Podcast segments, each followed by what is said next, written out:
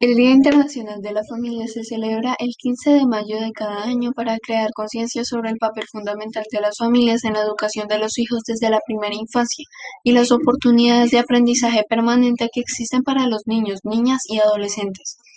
A pesar de que el concepto de familia se ha transformado en las últimas décadas, evolucionando de acuerdo con las tendencias mundiales y los cambios demográficos, las Naciones Unidas consideran que la familia constituye la unidad básica de la sociedad.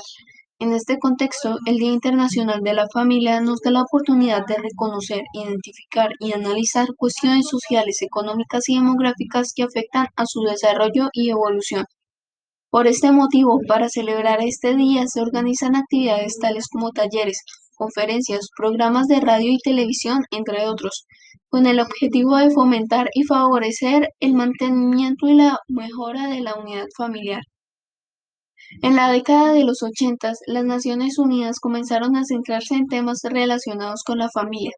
En 1983, siguiendo las recomendaciones del Consejo Económico y Social, la Comisión de Desarrollo Social, a través de su resolución sobre la función de la familia en el proceso de desarrollo, pidió al secretario general que promoviera entre los encargados de adoptar decisiones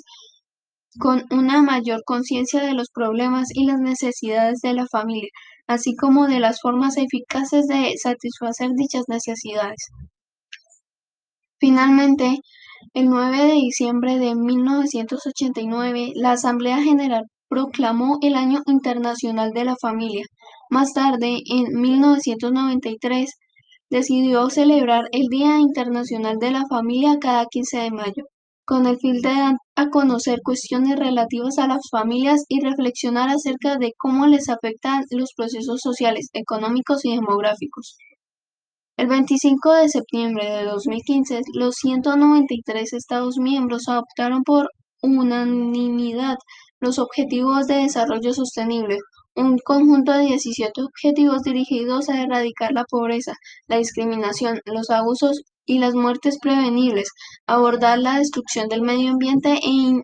iniciar una era de desarrollo para todos los habitantes del planeta.